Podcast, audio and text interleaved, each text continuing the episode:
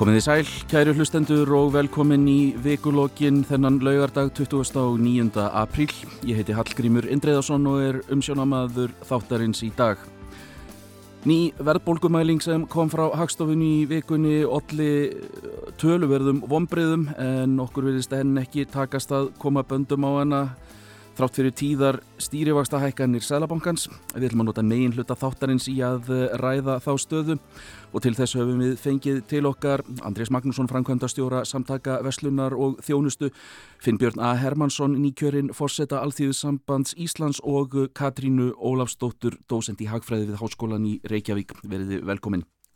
Takk. Takk. En áðurum við snúum okkur að verðbólgunni ætlum við að uh, huga að nýjafstönu þingi alþjóðsambands Íslands og uh, nýjum fósetta sem hér er hjá okkur. Ég finn Björn til að byrja með til hamingju með kjörið. Já, þakkaði fyrir. Um, þingið á undan þessu var já, töluvert átakaþing og það hefur gustað mikið um alþjóðsambandið já má segja undanfarin, undanfarin misseri. Hérna, þetta þing var nú öllu róleira í það minnsta á yfirborðinu já, eru átökin sem hafa verið í gangi, eru þau að baki? Já, það er kannski ekki að baki en, en menn hafa ákveðið að leggja til hlýðar allavega svona mestu deilurnar sem hafa verið uppi. Uh, við getum ekki enþá sagt að sko alþýðisamband sé sko kærleiksheimili. En, en uh, við höfum ákveðið það að við ætlum að vinna saman að tildagnum verkefnum sem að hérna, við sjáum fram á að þurfi að vinnast sameigilega og við ætlum að byrja þar og svo kannski geta menn lagt öldurnar eða, eða hérna, sett niður deilur þegar að menn bara vinna saman. Og hvaða verkefni eru þá það sem við erum að vinna? Það sem við ætlum að gera núna er að við fórum í gegnum kjærasamninga, til dælu að stutta kjærasamninga þar sem við vorum að leggja okkar á mörgum til þess að lækka verðbólgu sem verður hér til umræðu. Það er ekkit gest, annað heldur en það að við höfum lagt okkar á mörgum. Engin annar hefur, hefur hérna, komið til móts við uh, verkefælishefingunni, ef við getum sagt sem svo, að lekka verðbólgu. Uh, við þurfum að fara bara aftur í gegnum þá hluti og ganga betur uh, að þeim hlutum sem að snúa að öðrum og það þarf að gerast áður en kemur á næstu kjærasamningum. Næstu kjærasamningur eru bara fljótlega eftir áramót og þá þurfum við að vera búin að vera semja eða, eða tala við ríkisvaldið, við atverðureikundur og þá sem að eru sem sagt, leikendur á markaðinum og það, þetta þarf allt saman að gerast áður en við komum að næstu kjærasamningum og það verður hlutverk alltaf í samfansins. Þannig að þú, þú sér það þá fram á það að sko, kjærasamningar eru alltaf sam, samningskur millir verkalýsreifingarinnar og, og hérna, atvinnureikenda en þú, þú það ekki fram á þetta sé há hægt nema að, að hérna, ríkið komi eitthvað, eitthvað að því? Já, meiri ríkið Vestlun og Þjónusta og, og, og fleiri aðilar verða að koma að þessu að það gengur ekki að, að hérna, við erum að, að reyna að halda niður verðbólgu og síðan er veld ef að, að stýrivaksta hækkanir verða og því er öllu veld út í verðlægið og það lendir aftur á okkur launamennum Akkurat, við ætlum að taka þá umræðu aðeins síðar í, í þættinum en Katrín, uh, þú hefur náttúrulega lengi fylst með uh, vinnumarkaðnum, nú talar Finnbjörn nefnitt um þessa næstu samningslótu, hvernig svona horfir, horfir hún við þér? Það getur farið í báðaráttir, það voru náttúrulega lagt upp með ákvæmna fórsendur í þessum stuttakjara samningi og nú er verðbólgan verið meiri heldur þar var gert þar áfyrir þannig að, að, að það er svona svolítið flækja í þessu ég vona bara að allir aðlar komið að borðinu og, og undibúið sér vel. Það er svona ákveð plan í þessum kjærasamningi sem er svona svolítið nýnæmi sem ég er svolítið ána með og vona að, að verði fyllt. Þannig að það verði búið að vinna undibúningsvinnuna þegar kemur að raunverulegum samningum. En þetta er bara tími sem leiði það í ljós en það er stuttu tími framöndan það verður að vinna vel. Það veit Andrés, uh, því samtökum Vestlunar og þjónustu komið kannski nú ekki, ekki beint að, að kjara samningsgerð en, en þetta, og beint, og beint. já, en uh, það, það hef, hefur það þýðingu að vel fyrir ykkur að, að vel takist til. Hvernig, hvernig svona horfir? Já, annars vegar kannski svona staða innan merkjalisveiningarinnar og hins vegar þá þessir, þessi, þessar viðræður um nýja kjara samninga framöndan, hvernig horfir þetta við þér? Já, það má bara segja það alveg strax að uh, samægilegur óvinnur fyrirtækin landinu og heimilana er verðbólgan og það er á ekki síst við um uh, okkur sem erum í veslun, uh, veslun og þjónustu. Það er jú þannig að uh, undanfarið ár, allt frá, ég má, má segja upphafi COVID, frá áspyrjun 2020 þegar þessi óskup dundu yfir, hefur verið algjörlega fordæmulegst ástand. Við e, skinnjum það e, strax þegar COVID skall á að þá urðu brestir í framlöstu kjærfum heimsins Eh, sem orsakaði eh, fljótlega hækkun á vöruverði, eh, flutniskostnaði og síðan kemur stríðið ofan í kaupið fyrir rúmu ári síðan sem að orsakaði það líka áframhald varð á því að fordómulegsar hækkanir á ráfuru, fordómulegsar hækkanir á líkil ráfuru til matverðarframlegslu Eh, sem þurfti svo sem engum að koma óvart Úkræn er nú matarforðabúr Evrópu þannig að það hlaut að gerast með einhverjum hætti að, að, að áhrif þess kæmu fram á Íslandi en það er hins vegar mjög mikilvægt að halda því til hagi í öllu þessu samhengi að þrátt fyrir allt að þá hefur uh, uh, má segja það að og ég hika ekki til að fullir að það að vestlunin í landinu hún hefur, allavega smásöluverslun, hefur staðið sína plikt í þessu. Uh, afkomutölur, líkir fyrirtæki í dagveruverslun sína það að framleg þessar fyrirtæki hefur farið uh, lækandi. Það er alveg klárt. Fyrirtækin hafa verið að taka á sig framlegða skerðingu. Mér finnst sterkustu rökin og sterkasta vísbendingin uh, fyrir þessu er bara yfirlýsing sem samkemniseftilíti var með á fundi þjóðhagsrási í februar síðastlið það sem þeim beinleginni segja það að orsökin fyrir þeirri verðbólgu sem nú er við að glíma á Íslandi verði ekki rakin til skorts á samkefni Emmitt, uh, eh, þarna erum við einmitt komin svolítið, svolítið yfir í aðal umræðefnið uh, verðbólguna og svo að ég hérna hafi smá ykkar enganga því að, að uh, sagt, þetta, þetta reynist, allar reynast að vera að reynast alveg ofsalega þrálátt að, að þessi verðbólka, hún er, hún er bygg, byggust allir við í að þetta myndi fara niður á við, hún fer aðeins niður á við í mælingunni síðast fer síðan aðeins upp á við, núna er 9,9% núna en hún, meðan hún er að fara minkandi í, í ekki öllum en allavega flestum öðrum uh, Európuríkjum uh, meða við það sem Hagstofan segir, þá virðist þarna hafa mest áhrif hækkun á flugfargjöldum til út, útlanda, reknar í húsalegu og matvöru og uh, það er rétt að kannski spyrja hagfræðingin hér Katrín uh, hvers vegna gengur okkur ekki betur en þetta að halda aftur á verðbólgunni? Það eru uh, það eru alveg ástæði fyrir því. Og hérna er eitt uh, sem kannski byrja á því að segja tala um að, að við erum með tvö hagstjórnatæki og við erum bara beita öðru í, í þessari baróttu það er að segja vextinnir uh, hérna, peninga, peningastefnan hún er að taka á sig allt álægið af, af hérna, verðbólkunni ríkisfjármálin eru ekki að hjálpa til og eru raunir frekar að, að vinna á móti heldur en, heldur en hitt. Þannig að eins og fjármála áallun sem kom út núna fyrir hvað 2-3 vikum síðan við áttu vona því að þar kæmi útspil sem myndi hjálpa til. Það hefur ekki gerst. Hitt sem er auðvitað eru hækkanir hér og þar. Þar sem við erum líka glíma við er að verðbólgumæntingarnar komnar mjög langt frá verðbólgumarkmiðinu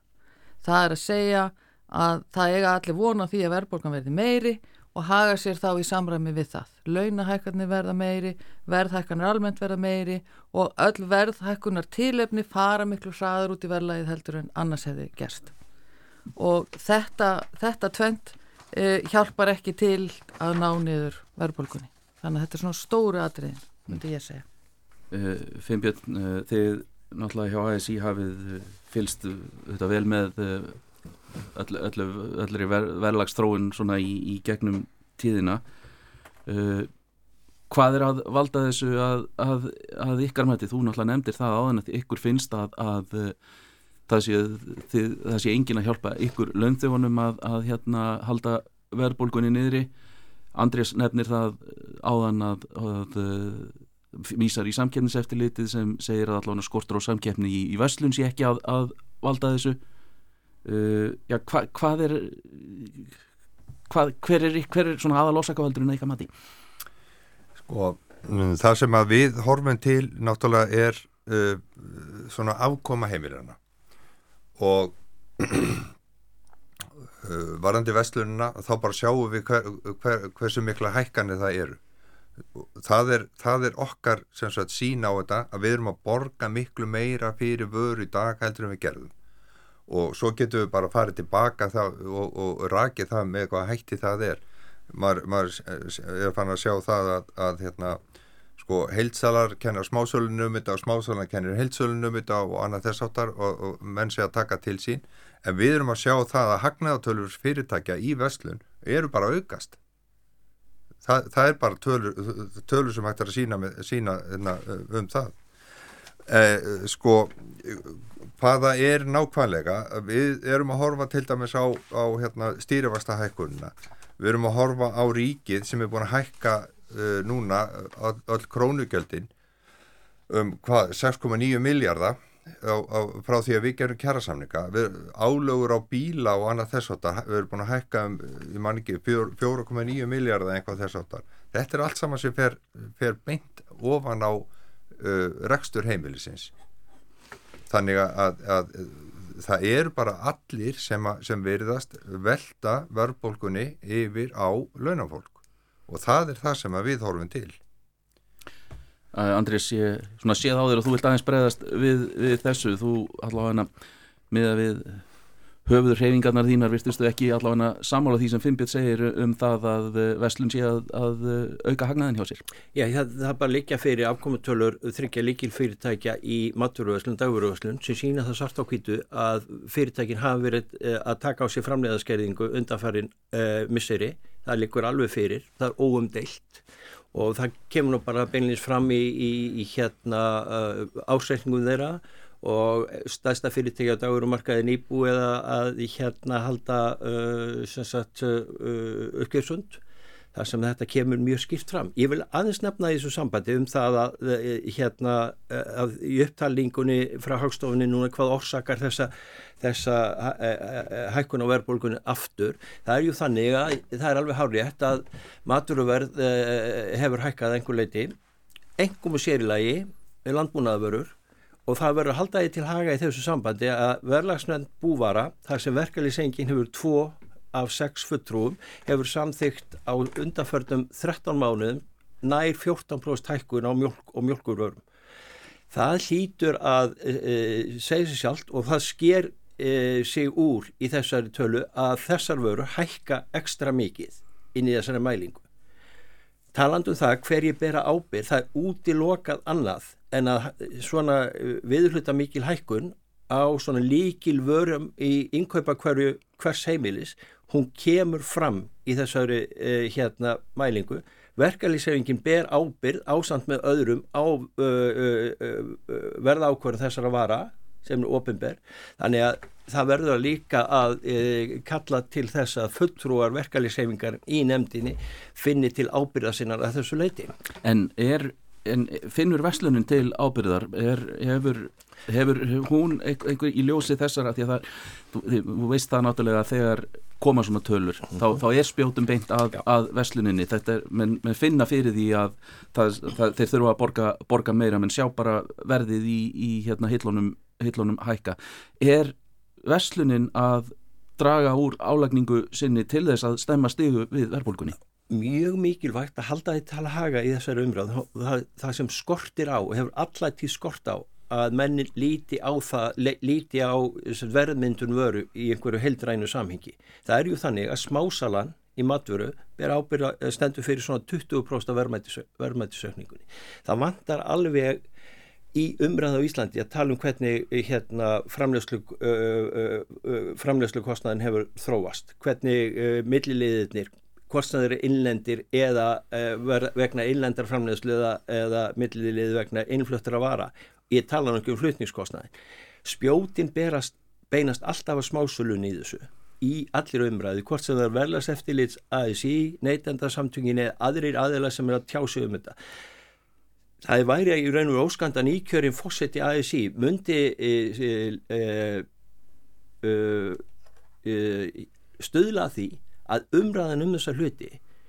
þessa mikilvægu hluti er þið einhvern veginn þannig að það er ekki engöngu uh, spjótonum og umræðin er ekki e alltaf og sífælt beinta einum aðila þessum uh, í þessari laungu uh, keðju sem uh, hérna endar síðan í smásölunni af því hún er tengilegur við neytandars. Það eru þarna ótal aðeila í þessu ferli sem að uh, mynda uh, hér endarlega verðvörunar. Og það var ekki að grípa á loftu einmitt, uh, það, það var grein frá Finni Watssoni fóstjóra Haga sem byrtist í gær, hann er að skella skuldinni, ekki kannski skella skuldinni en, en hann beinir sjónu sínu svolítið að byrgjum. Er, er það, má, má skilja það þannig að það sé ykkar mat að að hækkanir byrja séu einhverjar er, ásta, þessu ástandi er eðlilegt eitthvað hækki en eru þær eitthvað óeðilega miklar þá að ykkar mati? Ég sko, ég, við förum aldrei í umræðum það hvernig sam, uh, hérna, viðskiptasamningar millir einstakar sölustíga í vestlun eiga sér stað en hins vegar uh, bendum, við á, uh, bendum við á það að þegar kemur að umræðinu um byrja og hækkun frá byrjum þá erum við bæða að tala um hækkanir frá innlendum framleiðendum uh, meðal matvöru karfa hvers heimlis samanstendur að 30-40% af innlendum landbúnaðvörum og innlendir, innlendir framleiðslu. Þannig að það vegur mjög þungt í þessu hvernig þróun á innlendir framleiðslu, hvort sem það er yðnaðan framleiðsla eða hrein matvaraframleiðsla, kjöt og mjölk, vegur gífurlega þungt. Innflytningunni spilar sjálfsögðu þarna verulega rullu En ef að uh, við, við, við lítum bara á það hvernig uh, sko ímsa líkilvöru sem mynda uh, hérna undir þætti vísutölu nesluvers, hvernig þróun þeirra vara, verðþróun þeirra vara í samanbörði og, og berum það saman við sif innflytningsverð vöru, sömu vöru, þá sjáum við ekki betur en að það sé hérna nokkur neginn samsvörun þarna milli. Að, að hækkanir þessa vara það e, e, skýrist að mestuleiti af hreitni hækkun á sif e, verði þessara vara. Við sjáum ekki betur. Okay. Finn Björn til að lefa þér aðeins að breyðast við þessu því að hann svona, já, það svona beindaðins spjótum sínum að uh, þeim fulltrúum sem uh, þið verkefliðsreifingin hafið í uh, velagsnan búvara sem eigi einhvern þátt í þessu, hvað viltum um þetta segja? Já, ég, ég ætla nú ekki að fara inn í þá umræðu vegna þess að ég bara er ekki alveg nógu vel inn í því? Ég tók við þessu starfi í gær sko þannig að ég ætla bara að fá að kynna mig það. Mm. en aftur á móti ég heyri það hann, Andres tala alltaf um framlegð fyrirtækjana sko. Framlegð og hagnaði getur verið tveir óskildi hlutir. Að framlegðin hún getur kannski minkað og hún er kannski heldur ekki lögmál. Hva, hva, hversu mikil hún á að vera. Hagnaður getur aukist enga síður bara með aukinni veldu og, og hérna, við erum að sjá, sjá aukna hagnaðatölur og, og hagfræðingur getur bara skórur um það hvort að það sé ekki möguleiki á því að, að hérna, það verði til meiri hagnaður þó að framleiðin sé að minka og ég endur tek það líka að, að hérna, framleiðin hún er ekki náttúrulega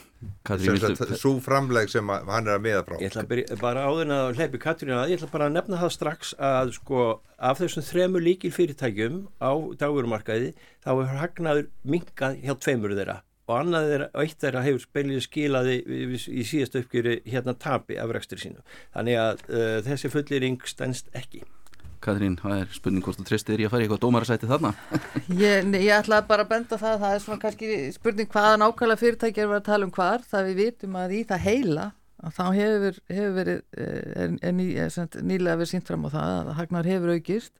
nákvæmlega hvaða fyrirtækjum það er hvort að það er í Vestlun og þjónustu eða ég held að sé bara almennt fyrirtækjum yfirleitt. Nú maður ekki nákvæmlega hvað líka þar á undir Já, ég er náttúrulega fyrst og hennst að vísa til þess að líkil fyrirtækjum á dagurmarkaði sem já, eru já, já. Uh, hérna listuð eru og ég held að Finnbjörn sé að vísa í rannsók sem að, er að það sem eru fleiri fyrirtækjum sko. þannig að við, séum, við erum kannski aðeins að tala um sitt á hvað. Það sem ég langa aðeins að gera er að fara kannski í aðeins aðra ráttir að því það er verið að tala um hérna af hverju verðbólgan, hún er hér og þar og það er gengið, það er alltaf einhver, einhver skonar hérna, sökudólgu þar og það er húsnæðisverðir, söku, sökudólgu þar. Eh, Andris myndist á, á hérna, undirliði vísutölunar. Það er þannig, að því að ég var að tala um verðbólgavæntingarnar, það er alveg ótrúlega stór hluti af einstökum undirliðin vísutölunar sem að telja ykkur um þúsundum sem er að hækka mjög mikið Þannig að þetta er ekki verðbólka það sem hún segir, þetta er þessum að kenna það, hinum að kenna, þetta er þvert á línuna. Það er bara stór hluti af öllum verðlagsþáttum í okkar hagkerfi sem er að hækka langt umfram verðbólkumörkmiðir og það er það sem er, er áígjefnið. Við þurfum bara að ná verðbólgu væntingunum niður og þá þurfum við að fá hérna einhverjar almennilegar, einhverjar segja, aðgerðir sem að fá okkur til að breyta þessu hugafari vegna þess að ef við ætlum að halda svona áfram þá verðum við með þessa verðbólgu áfram og það er það sem að, veist, það að sitja og benda og þeitt aðrið, hitt aðrið, það mun ekki hjálpa okkur rosalega mikið. Við erum að sjá, við erum alltaf betri húsnæðsverði farið niður, það hætt að hækka ná tímabili, held eh, svo áfram, þetta er þvert á þróuna sem sjáum til dæmis á Norðurlöndunum, það sem að, að stýrivexti fór aðeins upp á við og þá bara sneri hérna húsnæðsverði við og fór að lækka, við erum ekki að sjá þess á þróun, þannig að þetta er, þetta er bara svona undirliggjandi, almennt kræmandi í hagkerfunu bara yfirleitt, þannig að þetta er ekki eh, einum að kenna, öðrum að kenna, við þurfum bara að ná þú veist, þessum væntingum niður og við þurfum bara átt okkur því að þessi þróun hún, hún eh, er okkur öllum til vanda, eins og segi, það er hérna heimilin, fyrirtækin, allt saman. Þetta er sammeilur ofinnur. Ég ætlaði myndi að grípa þennan bolta á lofti með áhrifin áður um förum kannski í aðgerðirnar aðeins setna uh, og kannski Finnbjörn, þinn, þinn svona hvað maður segja skjólstæðinga hópur, bara launþegar í, í landinu hann bara hlýtur að finna bara gríðarlega mikið fyrir því að, að eh, fyrir þessari stöðu ekki, ekki þá bara í, í, hérna, í því að það sé dýrar að kaupa inn heldur alls konar já, öðrum áhrifum sem, sem þetta hefur. Já, sko, varandi til dæmis húsnæðið að uh, ég var að sjá tölur núna nýlega um það að hérna, að kalla þröngbíli það er eftir í, hversu margir deila hérna, fermendrónum saman það, er aukist töluvert bara núna frá 2016 eh, þetta fara að hafa áhrif á ýmsa hætti eh, á ýmsan hátt að, fólk sem er að egna spötn og annað þess áttar það getur ekki stekka við sig vegna þess að, að hérna, það er greiðslu geta fólks, almenns fólks í húsnæði, hún er bara að verða þannig að, að fólk getur ekki keft húsnæði. Þannig að þetta, þetta fer, það er, alls konar áhrif sem við erum að sjá sem eru svona dölun ef við getum sagt sér svo og síðan hóparnir sem eru hvað lagst launaðir að þegar, þegar húsnæðisverð er farið að verða sko 50-60% af, af, af ráðstöfunartækjum þá er þetta orðið mjög óæðilegt og uh, stjórnvöld hafa bara því miður ekki komið til mótsvið þessa hópa með bótakerfinu. Það, það var bætt í um áramótin en það voru bara leðréttingar aftur í tíman en við erum að tala fram í tíman og það hefur verið frá því við gerum síðast kjærasamning þá er verðbólgan búin að hækka um 4,9% og hún átti sem sagt að standa í stað og vera að lækka. Það voru forsenduna sem við vorum að gefa okkur varandi þá kjærasamninga. Þannig að það er orðin algjör forsendu brestur. Algjör forsendu brestur, sko. Uh, Andrés,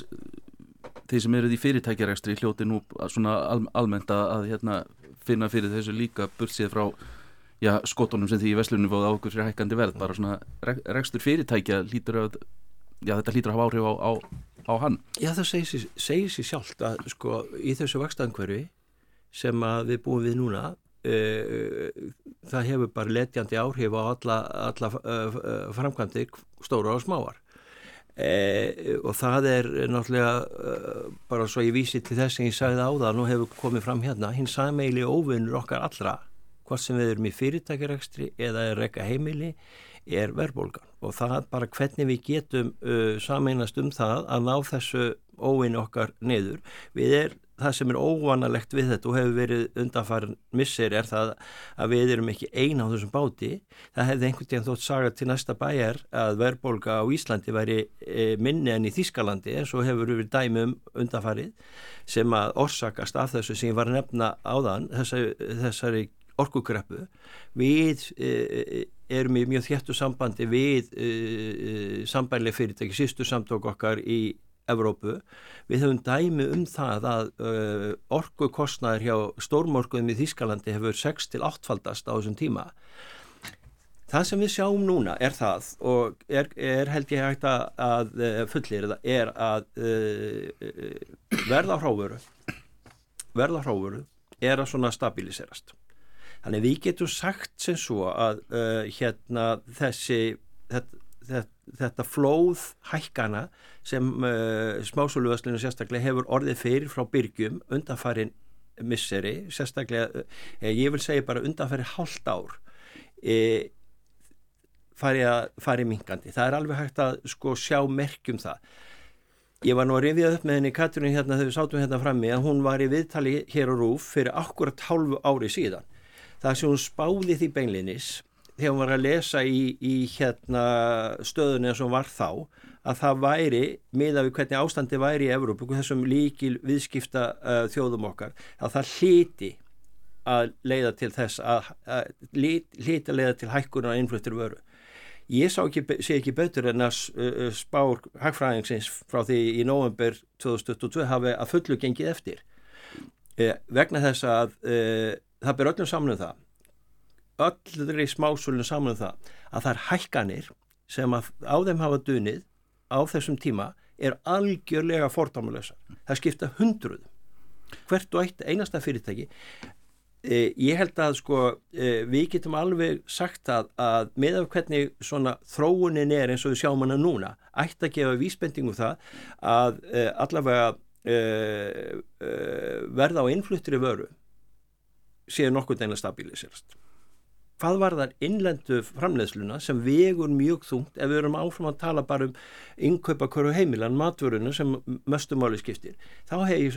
verði ég að lýsa því yfir, ég hef ákveðna áhyggjur af því hvernig þróunin er þar. Jú, þessi fyrirtæki eru í, í sama umhverfi og, og, önnu fyrirtæki. Það er gífulegu launakostnaður sem að hérna, hækkun launa, launakostnaður sem á þessu fyrirtækin hefur dunið þessu öðrum kjölfæri á kjærasamningum síðastilin vettur. Þannig að hvernig við náum þessu uh, böndum á þessu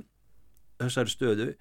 er uh, erfitt að sjá og það er alveg eins og Katri sagði, fjármál áallun uh, stjórnvalda gefur ekki vísbendingum það að, sé, uh, að ríkisfjármálinn sé eitthvað aðstóð okkur þar, alls ekki. Og það sem er líka áhyggjefni í þessu sambandi er það hvernig uh, þetta ójabægi sem er á húsnæðismarkaði Það var eh, kollegið minn Sigur Hannesson hjá samtöku viðnaðins var hérna í viðtali og rúf núna bara í vikunni. Þar sem hann listi þessari stöðu mjög vel. Og við erum að horfa á það það er e, e, algjört og ójapvægi á markaðunum það er ekki framlegt nægilega mikið af húsnæði, það liggur alveg fyrir. Þó að sé áformum það að, byggja 35.000 íbúður 10 árum þá, er, þá mun það ekki hafa áhrif 1, 2 og 3 og við sjáum bara hvernig síðustu tölur um uh, hérna, apriltölunar um hækkun húsnæðisverð það gefa ákveðina vísbending um það hvernig þróunni er og við meðum ekki glema því að uh, Íslendingum fjölga sem aldrei fyrr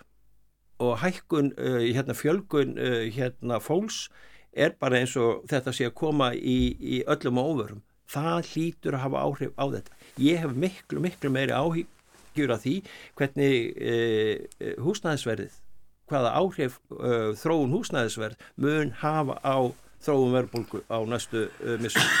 Eh, ég veit ekki, vonandi er uh, af því Fembjörn þekkir mjög vel inn á byggingamarkaðin, það var mjög gaman að uh, heyra uh, hvaða, uh, hvernig hann mötu stöðuna þar. Áður en ég kleipið Fembjörn að Katrín ég ætla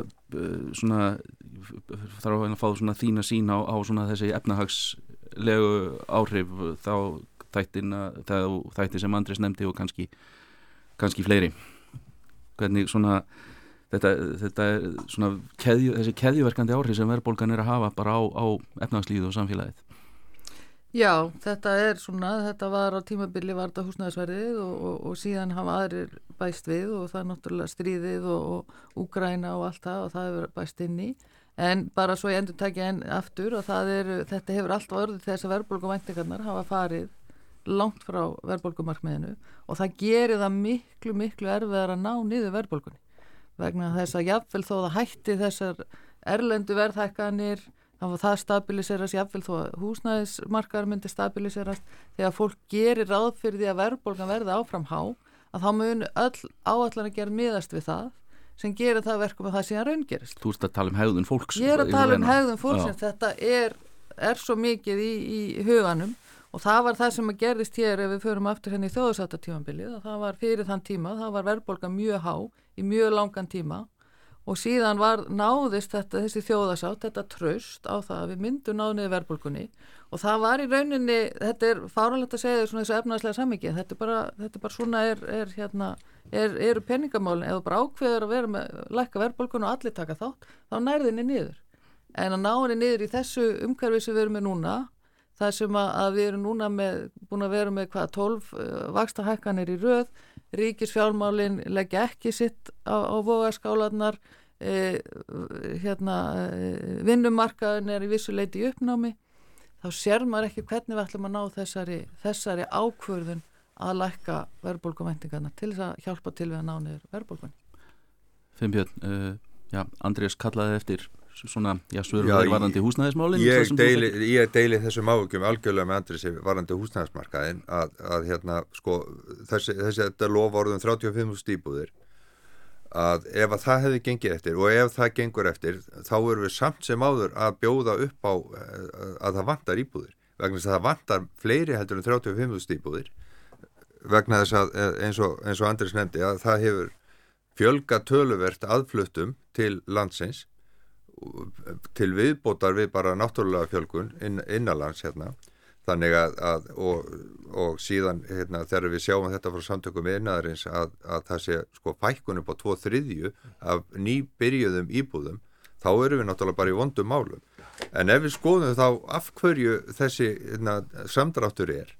hann er náttúrulega vegna þess að stýrifasta hækkanirnar þær eru náttúrulega farnar að bytna á verktökunum líka og þá erum við komin eiginlega bara í ring við, við erum að hækka stýrivexti vegna þess að íbúðaverð er að hækka. Ja, það er hluti af þessu, það er náttúrulega ekki allt það er hluti af þessu. Þá verður samdráttur sem gerir það verkum að hérna, það verður enþá meiri vöndun á markaðinum og þá hækka hérna,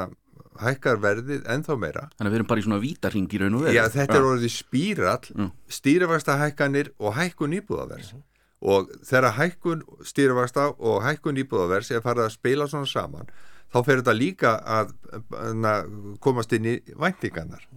þannig að, þess, þetta, þetta er orðið svona svolítið vítarhingur, já. En er þetta ekki bara, nú, nú finnst manni svona sjálfum þegar maður er að fylgjast með þessu er að verktakarnir rjúka af stað og fara að byggja þegar uh, það er svona góðari og, og allir eru tilbúinir til þess að kaupa en draga síðan saman seglinn þegar uh, svona kaupgetan á einhvern nátt mingar ætti þetta ekki það er kannski, þetta er kannski ein, einfalt að segja þetta, en ætti þetta ekki að vera öfugt? Ætti ekki að byggja þegar það er lægð svo að það sé til nóð þegar allir, allir hérna geta keift Jú, jú, auðvitað ætti að vera það en þetta er bara markaður sem stýrist af frambóðu og eftirspurn og, og svo hagnaði sko, þannig að það er, það er engi stýring á þessu markaði, því miður. Það sem við erum að kalla eftir á verkefæliseifingunni, það er að, að ríkið komið með miklu meiri stopplán til, til hérna, félagslega íbúðakerfisins að það bæti töluvert mikið í það sem bjargir að, að byggja og, og síðan erum við að uh, setja á stofn uh, svona óhagnaðadrifin fyrirtæki eins og blær sem kallaðir og ef að, ef að ríki kemur stoppframlegu í það þá getur við reynda að minka sveiflunar töluvert vegna þess að það er ekki eftir, eftir sko hvort að, hvort að er hagnaður í ögnablikinu eða ekki. Þannig að, að hérna, það, það er það sem það á að gera og, og jáfnframt að ef við ætlum að fara að skoða hérna, afhverju þessar sveiblur eru uh, í, á byggingamarkaðinu þá er það líka þessu ófyrirsjáanleiki sem að er að það er stundum til lóður og stundum ekki. Þannig að það er töluvert maður sem þarf að skoða varðandi bygginga einaðinu Við erum nú kannski komin svolítið núna í eiginlega sem átt að vera svona þriðji fasin í, í þessari velbólgu umræðu það er einmitt hvað er eiginlega hægt að hægt að hérna, gera til að, eh, til að svona, ég bregðast við þessu og eh, já, mér, mér heyrist svona þið, þið öll hafa svolítið kallað eftir já, í það minnst að markvísari aðkomu aðkomu ríkisins að, að ríkið sem sagt gerir meira til að hérna, stæma, stæma steguviðinni og kannski byrju bara á þér þér Katrín, þú náttúrulega talar um það að þessi fimm ára áætlun hefði ekki verið beinlýnis með neitt útspil til þess að hérna ná verðbólgunni niður. Hvað hefur þú viljað sjá í, þessari áætlun sem, sem svona, svona rýri að því markmiði? Já, sko, bara tökum hérna uh, Sælabankin, eða við erum ákveðið verðbólgumarkmið 2,5% Sælabankin raunni hefur bara hefur vísu nokkuð tæki, en hann hefur aðalega vakstatækið og vakstatækið er mjög svona, leið mér að segja brútalt tæki, þetta er bara svona, það lendir á öllum og mismunandi síðan á hópum hann hefur enga leiði til þess að, að, að laga það ákveðin að lendur ákveðin að lendur ekki. Það hefur hins vegar ríkisvaldið og, og hérna í varðandi í, í ríkisfjármálum. Og þarna var búið að gefa ákvæmna væntingar þarna dagana fyrir áður en fjármála áallin kom út að þarna er þið tekið á, á verðbólgunni og verðbólgu vandanum í raunni þannig að þar uh, átti ég von á því vegna þess að við erum jú með 10% verðbólgu sem er sko verðbólgumarkmiðið 2,5% og 10% verðbólga er ekkert á niðurleið þannig að það átti ég von á því og miða við það, því sem var búið svona að gefa í skinn að þannig er þið þá teknar einhverjar uh, afdrif á alvöru skref til þess að lækka verðbólguna. Og síðan þegar áallinu kemur fram þá kemur rauninni, já það sem á að gera þess ár er að minka endur greiðslur til uh, endur nýjanar á, á, á hérna uh, já, við, við gerum á heimahúsum í rauninni endur greiðslu virðisökarskatt og hún er bara minguð þarna er yðnaður uh, það sem er allt á yfirsnúningi og það er hérna mikil skortur á starfsfólki. Þannig að sko minnsta skrefi sem ættir að taka þar er afnema þetta og þarna tala ég sem íbúðaregandi sem að þarf að fara í viðgerðir og allt það bara frá hagstjórnar þá var það í rauninni bara þú veist, eða allar stíðan að skrifa þá stígur þú skrefið til fyrst og afnefnur þetta eitthvað tíma. Það, það er bara, þú veist, til að byrja með. Síðan eru þarfa að vera einhvers konar aðhald í þessum eh, rekstri, bara yfirleitt. Það er flókið vegna þess að 70% á útgjöldum ríkisins eru heilbriðis, menta, félags hérna, sem við viljum kannski ekki endilega skera niður en þá er það skattahækkanir sem maður má bara alveg fara í. Og þetta bara ástandi bara hreinlega kallar á það og skattahækkanir er ekki vinsalar en það eru bara uh, þú veist, það er hægt að, að auðlunda gjald finnst mér nokkuð augljóst kvalreika skattur finnst mér nokkuð augljóst og þetta mynd hefði ég vilja sjá uh, hérna aðgerðir um eða áallanir um í þessari áallun En það sem að kemur í áallunni er það jú þá að hækka fyrirtækjaskatt um 1% í eitt ár og þetta finnst mér bara að vera af stað fariðin heima seti, bara hreinlega. Ég finnst þetta bara eða, já, ekki, ekki, ekki boðlegt út frá, út frá þeim hagstjórna vanda sem við stöndum framifyrir. Á hinbóin hefði vilja sjá, eins og Finnbjörn hefur nefnt, það er fólk sem er í þröngbíli sem er í, er, er í bara erfiðu málum eftir að hafa tekið lána lágum vöxtum og á bara erfitt með það Þetta er ekkert stór hópur, Sæðlabankin er búin að kanna það, hva, hversu stór þessi hópur er sem er í þessu vanda og þá hefði ég vilja sjá í þessu mótaðis aðgerir við fyrir þennan hóp. Flest okkar erum bara að borga meira húsnæðislánunum okkar og þá bara draugum við úr annari neyslu og það er ju algjörlega tilgangur með þessu allir saman. Fá okkur til þess að draga úr neyslu, fá okkur til að draga úr umsöfu en það er hópur sem er bara lendi vanda af því að þetta vaksta hækkunar uh, tæki er bara mjög brútalt og þá þar bara er það bara hlutverk uh, ríkis uh, fjármálana að mæta þessum hópi eitthvað starf sem hann er ekki að gera sem hann er ekki, það er ekkert í þessum aðgjörum til að, að horfa á þennan hóp sérstaklega. Þannig að þarna bara, þú veist, þetta við bara við kjósum okkur hér alþingi og ríkistjórn til þess að sjá um ákveðna hluti í hagstjórninni. Og þarna er bara er bara að segja ríkistjórnin pass uh, áður, áður en ég sleppið þér með þetta nú, nú er náttúrulega ný þess, það er ekkit mjög langt í, í næstu vaksta ákvörðun hjá Sælabankanum í ljósi þessar talna, við hverju býstu þar? Ég býstu frekar í vaksta hækkun, það er Hversu mikili? Nú, nú þóri ég ekki að segja spátárskáða mín greina, greina hérna,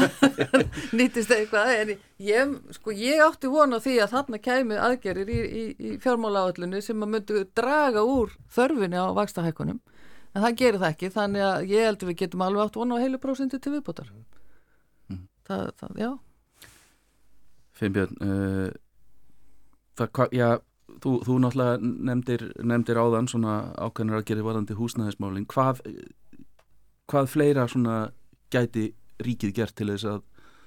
já, stemmu stegu við verðbólgunni og áhrifum, áhrifum þeirra að þínum mati? Sko, ég er alveg sammálað þessu sem að hérna, Katrín var að segja, öllu nema þessu að taka hérna Uh, virðsökarskattin sem er á viðgjörðum á húsnæði mér finnst það að vera svona uh, mál, ég, ég myndi horfa á þetta öðruvísi, mér finnst það orðið eiginlega bara líðheilsumál vegna þess að fólk verður að viðhalda húsnæði sínu. Og bara talandum um hérna, alltaf þá óvaran sem er í gangi varðandi hérna, varðandi sko léleitt húsnæði og þetta hefur svona íttundi það að fólk hefur freka verið að gera við húsnæði sitt heldur en hitt. Þannig að, mér finnst þetta sko að þeim hlutanum rámt að vera vera að fara niður 35% En, en hvað annað eh, ríkið á að gera sko, að, eh, sko við horfum náttúrulega mest á afkomu heimilana og, og þegar að svona óar og nera og, og, hérna, og hérna, stöðniskerfið er ekki betra heldur en það er að, að þá þarf náttúrulega ríkið að ná sér í aðra tekistofna heldur en nákvæmlega það að fara alltaf ofan í vasa almennings að það er fullt af tekistofnu sem það getur farið í og verið með millifæslu að öðrum kostið þurfum við bara að sækja, sækja það alltaf í vasa aðverðurreikenda og þetta er náttúrulega það sem að, hérna, við komum til með að þurfa að ræða í aðdraganda kjærasamninga hvernig við ætlum að hérna, skip, breyta samfélaginu þannig að allir geti lifað somarsamlegu lífi. En hvað einstaka þætti varðar að, að þá bara tekja undir það sem Katrín var að segja. En Katrín nefndi svo sem ímsa svona skatta sem, sem hérna voru þannig að mög, væru mögulegir í þessu. Er, er Já, við, horf, við horfum líka á þetta. Það er auðlega, auðlega gæld og, og, og það er þessi kvalreika skattar sem, sem nefndir eru og annað þess áttar að, að hérna, þetta er náttúrulega hlutur sem að, sem að sko að við eigum að sækja í. Andrés, hvernig sér þú þetta fyrir þér, kannski ekki síst sem hérna uh, framkvæmdastjóri félags uh, já, í, í fyrirtækjarækstri Já sko, ég held að sé alveg hérna klárt að við höfum all verulega áhyggjur af því hvernig sko kjara viðræður á komandi mánuðum munið þróast í þessu ástandi sem nú er. Það sem eins og hér hefur komið fram, spjótin beinast öll að stjórnvöldum í þessu og þessi miklu vonbyrjiði sem að eru hjá eiginlega öllum með nýjútkomna fjármála áallun stjórnvalda. Uh, það sem að frá okkar hlið og hefur komið fram ítrekkað er okkur finnst algjörlega skorta á að það sé dreyið úr útgjöldum. Það er hérna semst, ríkið gangi á undan með góðu fordæmi og drægi úr útgjöldum það er það sem mandar í þetta og frá okkar hlið er það líki latriði. Ég held að sko það hljóta að vera sameigilegt verkefni okkar og verkefniseyfingarinnar inn í þessar kjaraviðræður er að draga ríkið sterkar að borðinu uh, sko í, í, í, að því að bara lýsingin sem hefur komið fram hérna við borðið og ekki síst hjá Katrínu á ástandinu og væntingunum og öllu þessu það þarf og, og maður onnið það gammal að maður man alveg þegar þjóðasóttin var gerð hérna fyrir rúmlega 30 árum og áhrifin sem hún hafði e, hún, við þurfum eiginlega að setja okkur í þar stellingar aftur að bara sko rifi upp þá þá tíð þegar við vorum alveg komin upp að vekk hérna og þetta var sagt uh, niðurstaðan. Breið samstaða um það að náð verðbólgan niður. Það er reyndar allt önnur aðstæða sem við erum að horfast í augu við hinn utan að komandi áhrif sem að orsaka þetta ástand að verulegu leiti við erum að glýma. Við förum vonandi eins og ég var að lýsa á þann að sjá vonandi segja nefnum eitthvað óvand gerist að sjá fyrir uh, sjá einhvers konar hérna, jafnvægi að myndast þar og þá er þetta bara þetta hvernig hérna sko uh, uh, miðað það að vexta ákvarðin stæðlubankar hafa nákvæmlega engin áhrif nákvæmlega engin áhrif að þá er vandsið að þetta uh, verði uh, einhverjum böndum komið á þetta nefna með afgerandi aðkomi stjórnvalda. Og þá eru við að kalla eftir því að það veri dreyið úr útgjöldum uh, eins og ombyrber eins mikið hægt. Finnbjörn, erst þú tilbúin í þjóðasátt Já, uh, við eins og þú komst aðeins upp að við að þá vorum við að ljúka þingi og það er bara mikill vilji fyrir því að það verði parið í einhvers konar þjóðasátt þjóðasáttin hún gengur kannski ekki alveg út af það sem að Andres var, já, jú, kannski að hluta að, sem Andres var að tala um. Sko, við viljum til dæmis að ríki bæti í varðandi velferðarþjónustuna varðandi heilbyrðistjónustuna að, að hérna, við viljum náttúrulega láta, láta hérna, fólk hvað sem það býr á landinu búa við jafnræði hvað var þar helbyrjastjónustu og við sjáum alveg og ég er marg búin að fara yfir það hvernig velferðarþjónustun er að drabbast niður. Þar verður að bæti í. Uh, það ætlum við að gera með breykun á skattstofnum eins og, eins og Katrín var að nefna hérna á þann en, en ég er alveg sammála því að þetta er átak sem allir verður að taka þátt í. Ef við ætlum að ná nefnir verðbólgu og bara það eitt eins og til dæmis eh, Katrín var að segja á það sko að hún býst við vakstahækkunum frá Sælabankanum það er hluti inn í væntingastjórnina. Jafnvel upp í heilt prósentu Já, sko. það, það er bara hluti inn í væntingastjórnina. Og þá ætla allir að búast við þessu og, og þá rekna menn með því og þá þurfa að bregða sig því. Sko við þurfum að komast einhvern veginn inn í þessa orðræðu þannig að allir er að tala í hináttina. Að við erum að tala verðbólguna niður þannig, þannig að og það sé einhver raunhæfir hérna hvað að segja hérna, sko, raunhafa vörður sem að við ætlum að, að sammælast um sem að, sem að keira þessa verðbólku niður og það þurfa allir að koma að þeim málum. Þú sér þið fyrir þér að, að hérna, þú, þið getur fengið já þá bæði aðtunurreikendur og, og ríkisvaldið í, í, í slíkar viðræður? Já, nú ætlum við bara að tala fyrir, verk, fyrir verkefliðsreifinguna, við erum tilbúin til að gera það og ef, það, ef að aðrir koma sko að borðinu þannig að það sé sko trúverðu þá eru við tilbúin. En við ætlum ekki að fara með einhverjar einhver lofórð og væntingar eins og við gerðum við síðustu kjærasamninga að það var sett saman hérna svona ráð eða, eða ráð sem átti að fylgjast með þessu. Og því miður hefur ekkert komið út úr því sem, að, sem að, er áþreifanlegt við erum ekki tilbúin í það heldur verðu hver og einn að taka á sig ákveðna skuldbindingu við, okkar skuld, skuldbinding er alltaf það að við erum að skrifa undir kjærasamninga og þegar komin á friðarskilda þá breytum við einhver og þá allistu til að ríkisvaldið og uh, þeir aðilar aðris sem að hérna, hafa áhrif á þetta að þeir skrifundu sambarlegt þegar það er komið á þá eru við tilbúin til að fara í þetta Katrín, er þetta lausnin? Ný þjóðasátt? Þetta hjálpar algjörlega, já, já, já sko það, það, það hjálpar mikið ef við náum þjóðasátt en þjóðasátt byggir á trösti og ég bara þungar ávíkjur af því að tröstið hefur nú ekki alveg verið á hæstu hæðum hér. Bæði svona tröst á stjórnvöld uh, tröst innan verkalýsefingarinnar tröst milli stjórnvöld og verkalýsefingar þetta hefur ekkert verið í hæstu hæðum en það er kannski bara allt í lagi og komið tíma til að breyta því og,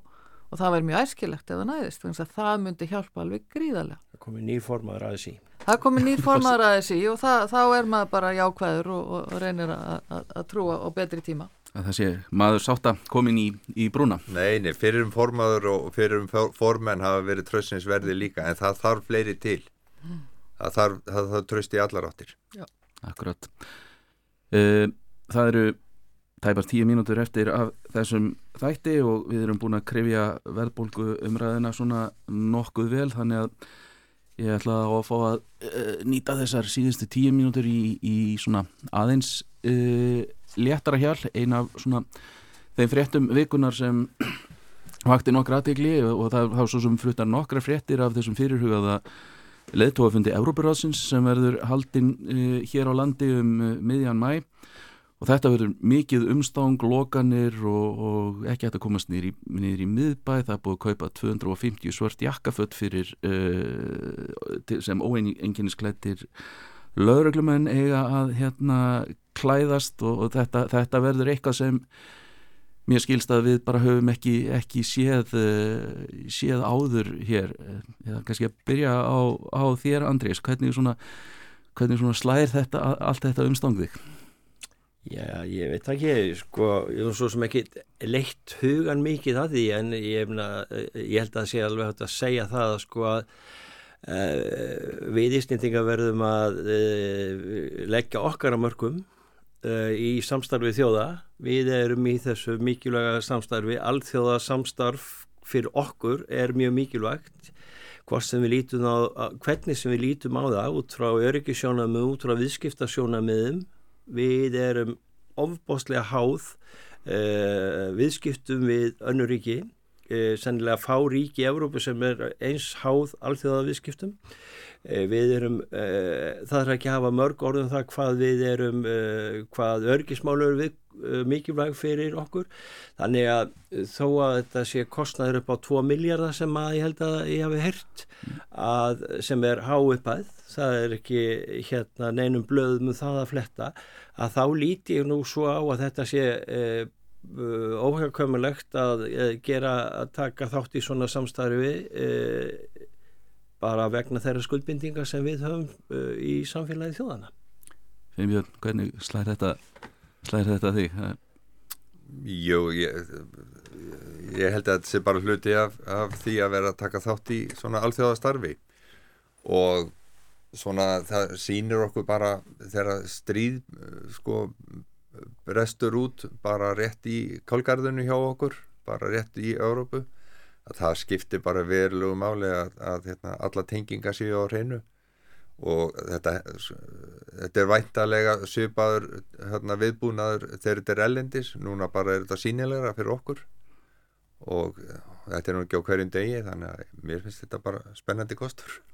Já, Katrín, er Hvernig Já, ég veist þetta? bara gríðarlega áhugavert og ég tek undir að, að þetta Ísland skiptir, þetta skiptir svo miklu máli fyrir okkur Íslandinga að vera hluti valþjá samfélaginu, tala um að það kemur, kom eitthvað afgerandi skref út úr þessum fundi, það er nú margir fundir haldnir þar sem að lítið kemur út úr þeim en, en hérna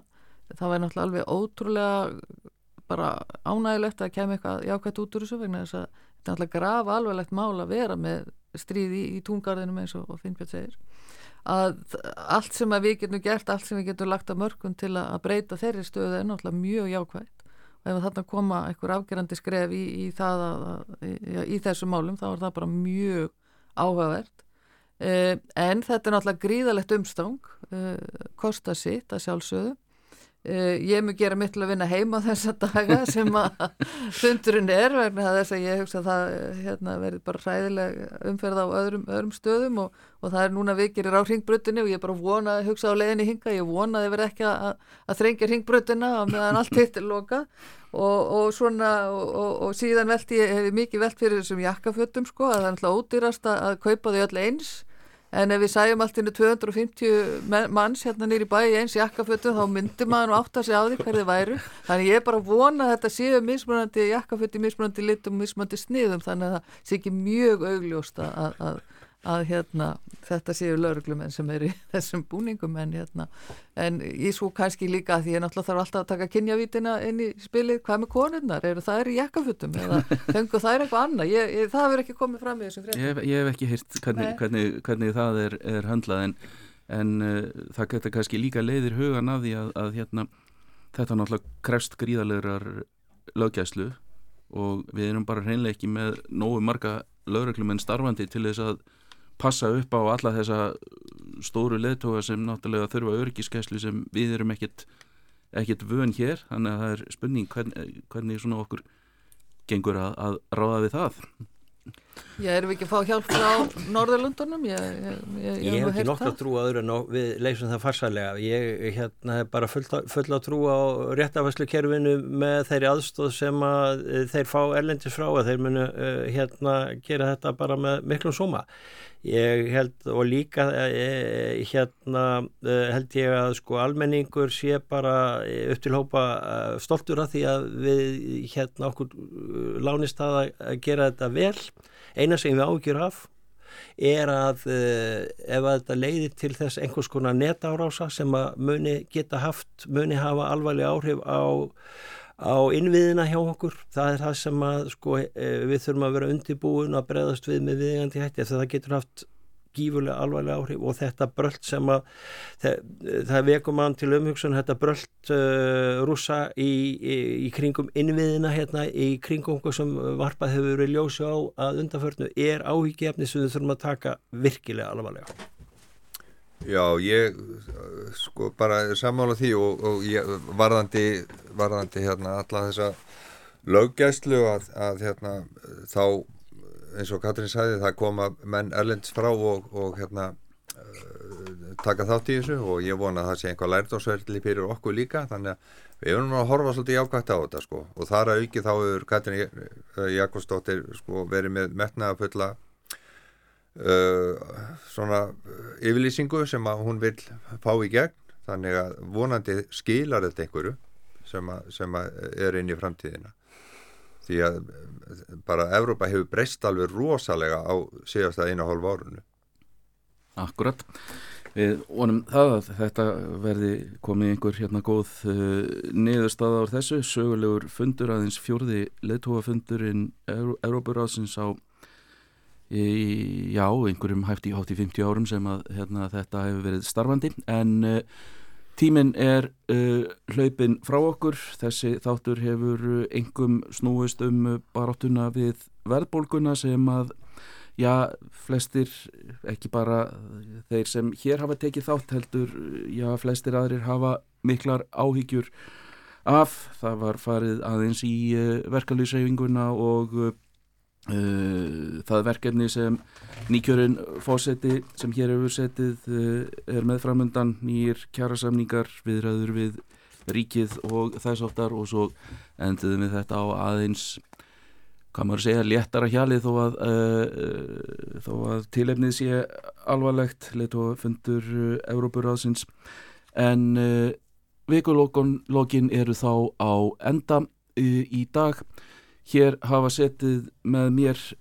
Andrés Magnússon Frankvæntastjóri samtaka Veslunar og Þjónustum Finnbjörn A. Hermansson nýkjörin fósetti Alþýðu Sambas Íslands og Katrín Ólafsdóttir, dósend í Hagfræði við eh, Háskólan í Reykjavík. Ég heiti Hallgrímur Indreðarsson og sá um uh, þáttinn í dag. Vikulókin verða á dagskrá aftur eftir vikun.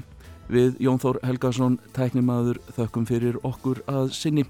Verði sæl og góða helgi.